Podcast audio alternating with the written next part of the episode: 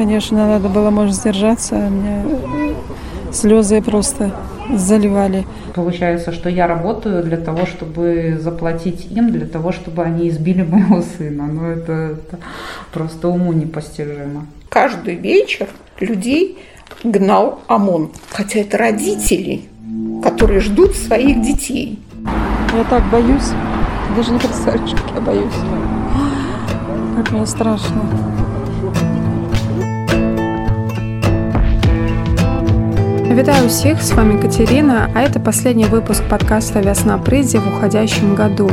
Я его решила посвятить матерям и трем их личным историям об их сыновьях. Каждого из их сыновей государство репрессировало по политическим мотивам. Мама Дмитрия Фурманова голодала у стен СИЗО.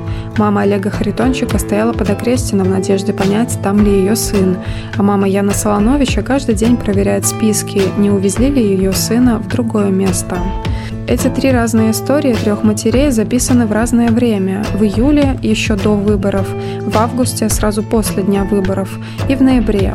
Мне кажется, такой подход поможет нам оценить некое течение времени, наверное, и понять то, как в уходящем году разворачивались репрессии.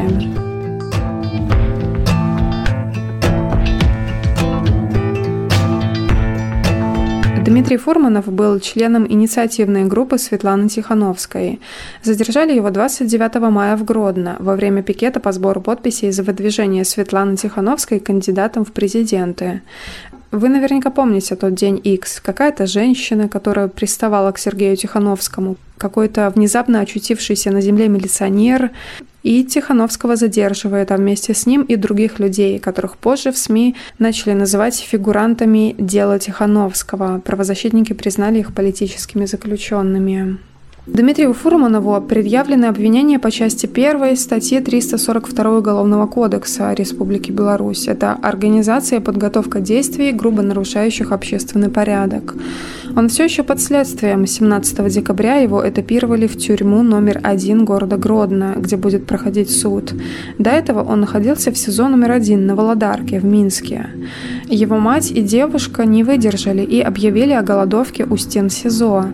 Они прибыли в Минск 26 июля поставили воду и начали голодать. К ним приходили незнакомые люди, которые высказывали солидарность. Тогда-то я и поговорила с Ольгой Фурмановой, матерью Дмитрия. Кстати, его фото из всех задержанных по делу Тихановского было самым запоминающимся для меня, ведь у Дмитрия яркая длинная рыжая борода. И, кстати, даже вроде бы над каждым, кто сидел по уголовному делу Тихановского, провели еще и административный суд, где, опять же, каждого наказали за 29 мая дополнительными сутками ареста. Суды были по видеосвязи, а у Дмитрия Фурманова суд был 7 июля. Это тот момент, когда родители смогли впервые увидеть хоть таким образом своего сына. В Гродно мы вот когда были на суде дистанционно, он вышел с улыбкой, с настроением. Я думала, он там похудевший. Нет, такой же все выглядит хорошо. Бороду заставили состричь.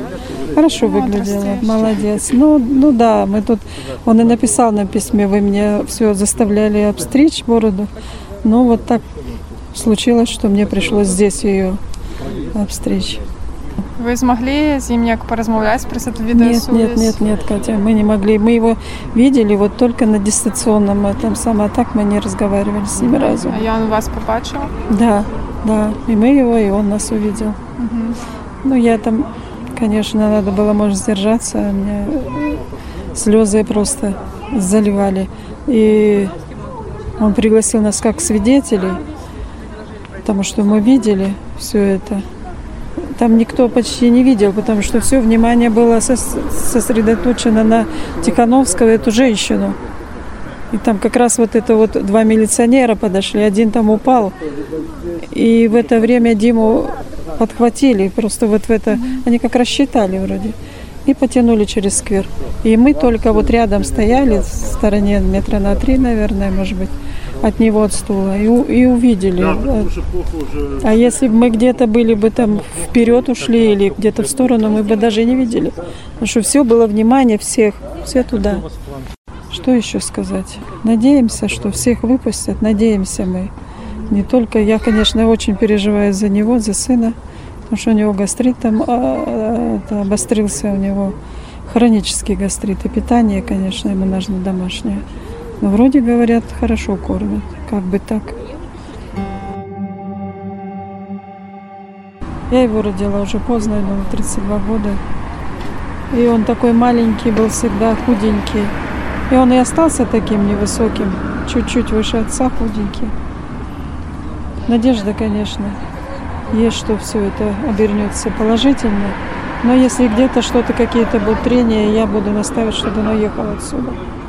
Если будет преследование, потому что неизвестно, как пройдут выборы, кто будет президентом, что будет дальше. Его слова эти, что до выборов интересно, после выборов еще интереснее будет, меня как-то пугают. Что он имеет в виду? Поэтому я думаю, что если случится так, что это, то надо ему уезжать будет. Если такой вариант будет, что Александр Григорьевич у нас выйдет на следующий срок, этот, как его, Сталин, Иосиф, Иосиф Виссарионович, да. Он даже меньше был у власти, чем наш Александр Григорьевич, если он выберется на следующий срок, 31 год. Ну и что будет, неизвестно, что будет. Страшно. Мне-то вся моя родня живет в России. Ну, старшая сестра, младшая сестра, племянники. Здесь у меня вот муж военный, мы остались здесь, когда он после академии сюда попал. И они все одним хором, все, приезжайте, все устроим, все. Ну а куда? У меня уже самой здесь внуки, правнучка. Куда я поеду? Правнучки уже, она там э, уже девочка большая, 6 лет. Так каждое воскресенье просится к нам на дачу, домой к нам. Поэтому смысла нам уже, я и говорю мужу, смысла некуда ехать. Мы уже с тобой прожили, а молодые жалко, переживаю за них. Но самое главное, что все живы и здоровы. Вот это самое основное. Что, в общем-то, все мы вместе держимся, собираемся вместе, часто очень. У кого дни рождения, у кого когда праздники, дни рождения, то мы все собираемся. А сейчас вот Димы нет, конечно, это ну просто как, как выбито что-то из колеи, что-то и, и дни рождения как-то не отметили. Внука 22 было у Ванечки, 13 лет. Мы не собирались. Мое день рождения 2 июля, июня тоже нет. Даже, даже. Обычно у нас много собирается. Там и родственники уже жены, сына. Все приходят. Человек 20 детей, взрослых. Сейчас как-то нет. Пока тишина, пока все ждем, ждем, ждем. Надеемся, что все образуется и будет хорошо. Только это надежда. Ольга Фурманова голодала вместе с Ольгой Корякиной, девушкой Дмитрия. Но старший сын, он молодец, он все время нас сдерживает. Мама, мама, не надо, не езжай, мама, не нужно. Ну, а Оля настояла. Оля настояла. Поехали, поехали, ну, поехали. Ну, не знаю, правильно я поступаю или нет. Не знаю даже. Главное, чтобы ему не навредить. Диме. Личность, она спасает людей. Это так само. Ну, ну так, оно так. А если а завтра вот э, мы идем сейчас, и завтра, э, если вот так вот, э, тут сразу нас схватят, загребут. Это я не исключаю.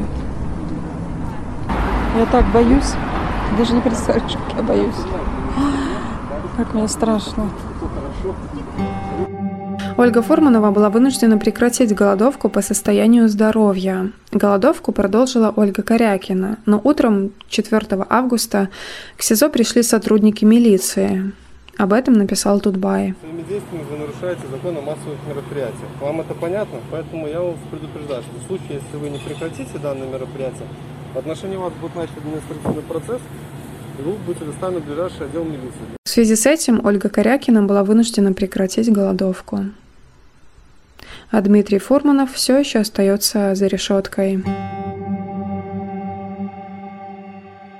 9 августа президентские выборы. Дождавшись протоколов, люди в негодовании вышли на улицы. Их задерживали 9 августа, 10, 11. Как там власть говорит? Что все это неправда, пыток не было, ОМОН вел себя хорошо, а эти протестующие сами себе нарисовали синяки?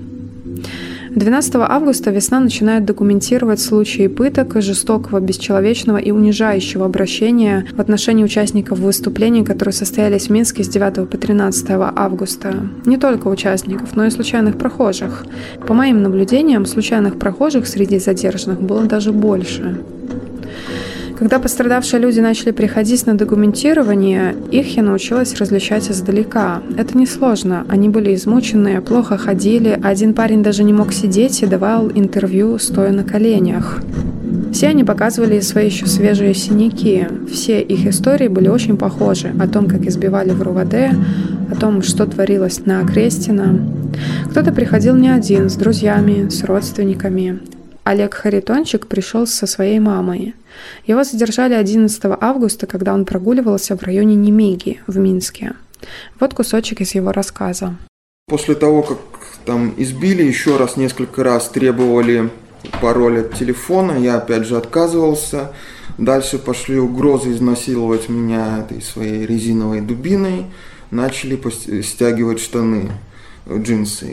Ну, и, у меня руки были за спиной, я крепко ухватился, негромко сказал, что не надо мне ничего делать.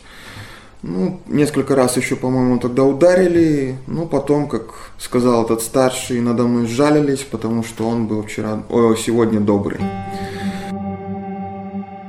Олега увезли в РУВД, где их избивал ОМОН, потом на Окрестина, где их продолжил избивать ОМОН, и где в камере 5 на 5 метров набилось 120 человек. Они стояли всю ночь, прижавшись друг к другу, без еды и туалета. Выпустили из Окрестина Олега 13 августа в 6 утра. А все это время с 11 августа Олега искала его мама. Ее комментарий я и записала, когда они пришли к нам в весну, 15 августа. Около 9 часов мы созвонились с сыном, он сказал, что едет домой. После этого он пропал. Я перезванивала буквально через несколько минут постоянно. Около 4 часов утра вдруг телефон отключается. Тогда я э, начала ждать метро. Думаю, может быть, он где-то там ждет метро. А, значит, метро уже вроде открылось. Его нет. И тут я поняла, что, наверное, его задержали. Я позвонила сестре, и мы начали думать, что же нам делать дальше, зная о том, что ребят задерживают, и они куда-то пропадают. Но посоветовали, сразу бегите в РОВД по месту жительства и пишите заявление. Мы написали, «А, РОВД все закрыты, то есть они все за дверями, стоят дежурные ефрейторы там или кто младшие чины эти, и они либо отсылают, либо хотят они принимать или нет, но у нас приняли заявление. Мы потребовали его зафиксировать. Нам сказали, что они перезвонят через некоторое время, потому что они собирают кучу заявлений и будут фиксировать. Мы сфотографировали свое заявление и поехали домой ждать ответа. Буквально минут через 30-40 э, нам позвонили и сказали, что он направлен совершенно в другое РОВД. Мы собрались быстренько и поехали туда. Когда мы приехали, это было где-то уже около 12 часов. Опять же, дежурный закрыто РОВД, хотя это милиция, она должна быть постоянно открыта, круглосуточно открыта. Значит, опять закрыто, опять стоят младшие чины, и ефрейтор какой-то мальчик. Звонили, звонили, вначале он не хотел выходить, потом мы начали смотреть в стекло и кричать, чтобы он вышел. Он вышел, мы спросили, такой-то, такой-то здесь, он посмотрел по спискам, да, был здесь, но направлен в суд. В какой суд, мы не знаем. Мы начали думать, какой суд он направлен. Ну, раз этого района, мы поехали в суд этого района. Приезжаем, нас направили в комнату, подходим к, женщинам, они говорят, к нам, таки, к нам их не, пере, не привозят, мы просто подписываем протоколы. Приехала домой, стала звонить в 102, 102 просто занято, никто не отвечает, никто из милиции, из э, этих самых, из Окрестина, никто не отвечает, у всех заняты телефоны, либо обрубают эти телефоны, вообще никто не отвечает. И потом я собралась опять, поехала в это РОВД и потребовала дежурного офицера. На мой вопрос «Зачем?» я сказала, мне нужно знать, где мой сын. И тогда они пошли, а где-то, наверное, к следователю или к кому, они, кто там направляет, и сказали, что он на Крестина. Я собралась, поехала на Крестина. Было очень много людей, очень много людей. Мне как сказали, что в конце дня будет информация. В конце дня крикнули людям, что никакой информации не будет. Все равно все, многие люди остались ждать. Наверное, уже знали, что иногда по ночам их выпускают или под утро выпускают. Где-то уже начало темнеть, около 10 часов. Вдруг люди, толпа стала вдруг разбегаться. Я не поняла, в чем дело. Не по дороге, по тропинке, сквозь сквер пробралась машина. Я, только, я плохо вижу, вдруг вижу фонари. И выбегают люди в черном, без опознавательных знаков, в черной камуфляжной форме, с забралами и с помповыми оружиями, насколько я поняла и бегут на, к людям, а люди в рассыпную. И, и, и по маши, кто по машинам, у кого машины стояли, кто так. Я развернулась, и возле меня молодой человек, он собрался к этому командиру. Вдруг этот командир говорит, вы чего убегаете? Вы собираетесь и уходите. Просто собирайтесь и уходите. И я молодого человека останавливаю, говорю, вы имеете право бить беззащитного человека, без камня, без палки, без зажигательной смеси, просто так на улице. Он мне говорит, мы их не бьем. Я говорю, тогда в чем дело? Я не побоялась с ним разговаривать. Он, ну, поговори с Ифом, говорит, я вас услышал. Командир как раз заворачивал этих людей, а я говорю, громко сказала, я хочу, чтобы и все остальные меня услышали. И они пошли к машине. А меня молодые люди повезли к метро. Если бы я знала, что их выпускают ночью, я бы стояла там ночью. И говорят, что каждый вечер людей гнал ОМОН. Хотя это родители, которые ждут своих детей. Они ничего не делают, они не митингуют, они даже боятся слова крикнуть там, чтобы не возмутить этих надсмотрщиков. А вы видели очень перед вами, скорых, чтобы... Очень а. много скорых приезжало. При мне очень много скорых приезжало. Скорые приезжали, люди подбегали, просили, дайте нам фамилии. Скорые выезжали, бросали список фамилий, тут же люди собирались и читали, чьи дети куда едут. После этих событий люди не смогли простить пытки со стороны силовиков и начали выходить на марши а их начали за это сажать, карая административным арестом за участие в несанкционированном массовом мероприятии. Воскресенье за воскресеньем люди выходят, а их задерживают. 1 ноября 2020 года студента четвертого курса Абгуира Яна Солоновича задержали в Минске на мирном уличном шествии против террора и отвезли в РУВД партизанского района. По словам его матери, там его допрашивали и оказывали давление, в результате чего он признался в 15 эпизодах участия в мирных собраниях за август, сентябрь и октябрь 2020 года. За каждое участие над Яном провели отдельный суд, и на каждом суде ему давали сутки. Его мама, Ольга, ждала его после окончания первого ареста, но так и не дождалась. Когда твой человек туда попадает и просто там, э, ну, там 10 суток, там 12-15 суток, это понятно, что он, он выйдет, и ты знаешь, что он выйдет. А тут, получается, суд прошел, я думаю, ну все, он выйдет. Приезжаю, выходит? Да, выходит. Я 6 часов сидела в машине. Я 6 часов его ждала. А он так и не вышел. А когда я подошла и спросила, где мой сын, мне сказали, так у него же был новый суд, у него новый административный срок. А почему вы мне не сказали ничего, когда я к вам пришла, первый раз спросила, выйдет или нет? Зачем вы меня ждали, держали вот так вот 6 часов на холоде под воротами? Для чего?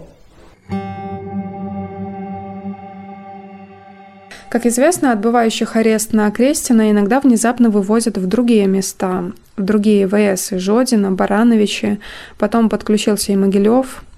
О том, как автозаки прибывает в четверг в СИЗО Баранович, можно услышать в 14 выпуске нашего подкаста, который называется «Едем в Барановичи». Ведь туда могут увезти совершенно внезапно, а для родственников это новое испытание каждый день на работе, дома, с утра просыпаешься и начинаешь сразу уже проверять все телеграм-мессенджеры для того, чтобы посмотреть там группа помощи задержанным, э, Жодина задержанные, то есть это все ты мониторишь и ты думаешь, перевезли, не перевезли, перевезли, не перевезли, потому что передачи принимают в разные дни, в разных э, тюрьмах.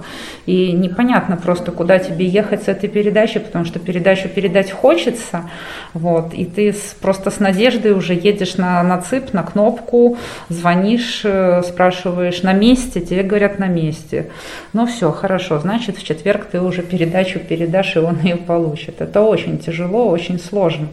Даже ну, чисто психологически. Этот разговор с Ольгой Солонович я записывала 28 ноября. Я спросила у нее, видела ли она, как выезжают автозаки с задержанными людьми по четвергам из Окрестина. Это просто мурашки по всему телу и слезы на глазах. Бывают такие автозаки, которые полностью закрыты, а бывают такие, в которых есть окошки. И когда они выезжают оттуда, и там пальцы вверх, э, ничего не видно, просто пальцы вверх, то все, кто приходит на передачу, мы машем, стоим руками, чтобы хоть как-то поддержать э, ребят. В этот момент мы приостанавливаем запись, потому что у Ольги слезы на глазах. Когда я первый раз пришла на передачу, и выезжали с Окрестина, тогда выезжало, по-моему, 6 или 7 автозаков. Они были вот такие вот полностью закрытые, и ты стоишь с этой торбой, с продуктами, с вещами, и ты не знаешь, он там или он здесь, он едет или он остался. И момента какого-то окошка ничего такого нету, ты даже не можешь понять, э, э, сколько там людей в этом автозаке. То есть, ну, это, потом ты уже с содроганием, когда приходят волонтеры и кричат, появились списки, и ты уже быстрее лезешь в телеграммы, ты смотришь, где они выкладывают фотографии списков, ищешь там фамилию своего человека, и когда находишь, думаю, фу, слава богу, он здесь, на месте, значит, передачу получит, значит, все хорошо. Вот. Но это такие вот прям будоражащие моменты. Я же говорю, что прям вот переворачивает всю душу, когда открываются эти ворота и выезжают автозаки. Это очень страшно. Очень тяжелые такие моменты. Не первый раз, как говорится, хожу туда на передачу по четвергам, но каждый раз, когда я вижу вот эти вот выезжающие автозаки, это очень страшно. Там, ну, это как, ладно, я такой, как можно сказать, крепкий орешек, я еще как-то там держусь, еще стараюсь, там, стараюсь поддерживать э, других матерей, которые я уже вижу, что э, все на грани нервного срыва.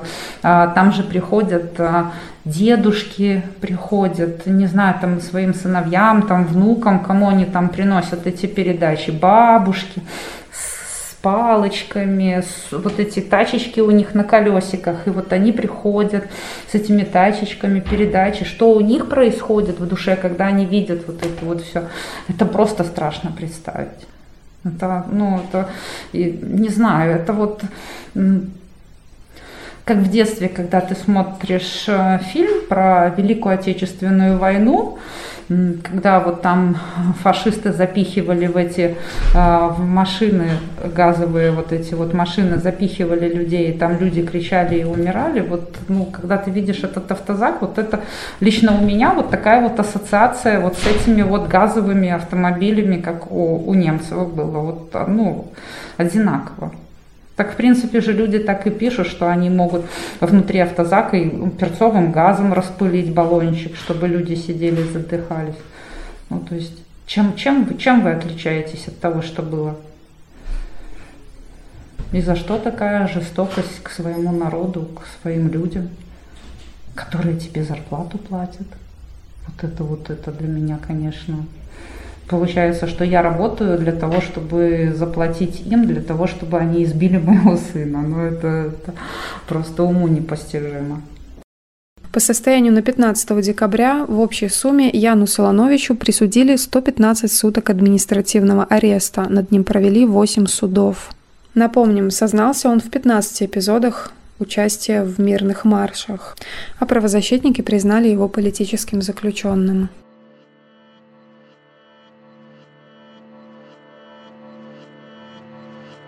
Этот год заканчивается, а на сайте «Весны» можно найти информацию о 169 политических заключенных. За каждым из них стоят их родственники, в том числе и матери, которые ждут своих детей.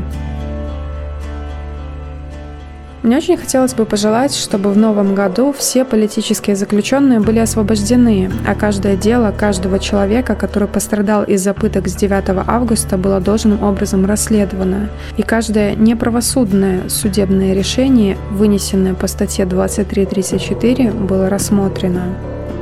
Надеюсь, Новый год принесет нам все эти желания. Бывайте! С Новым годом!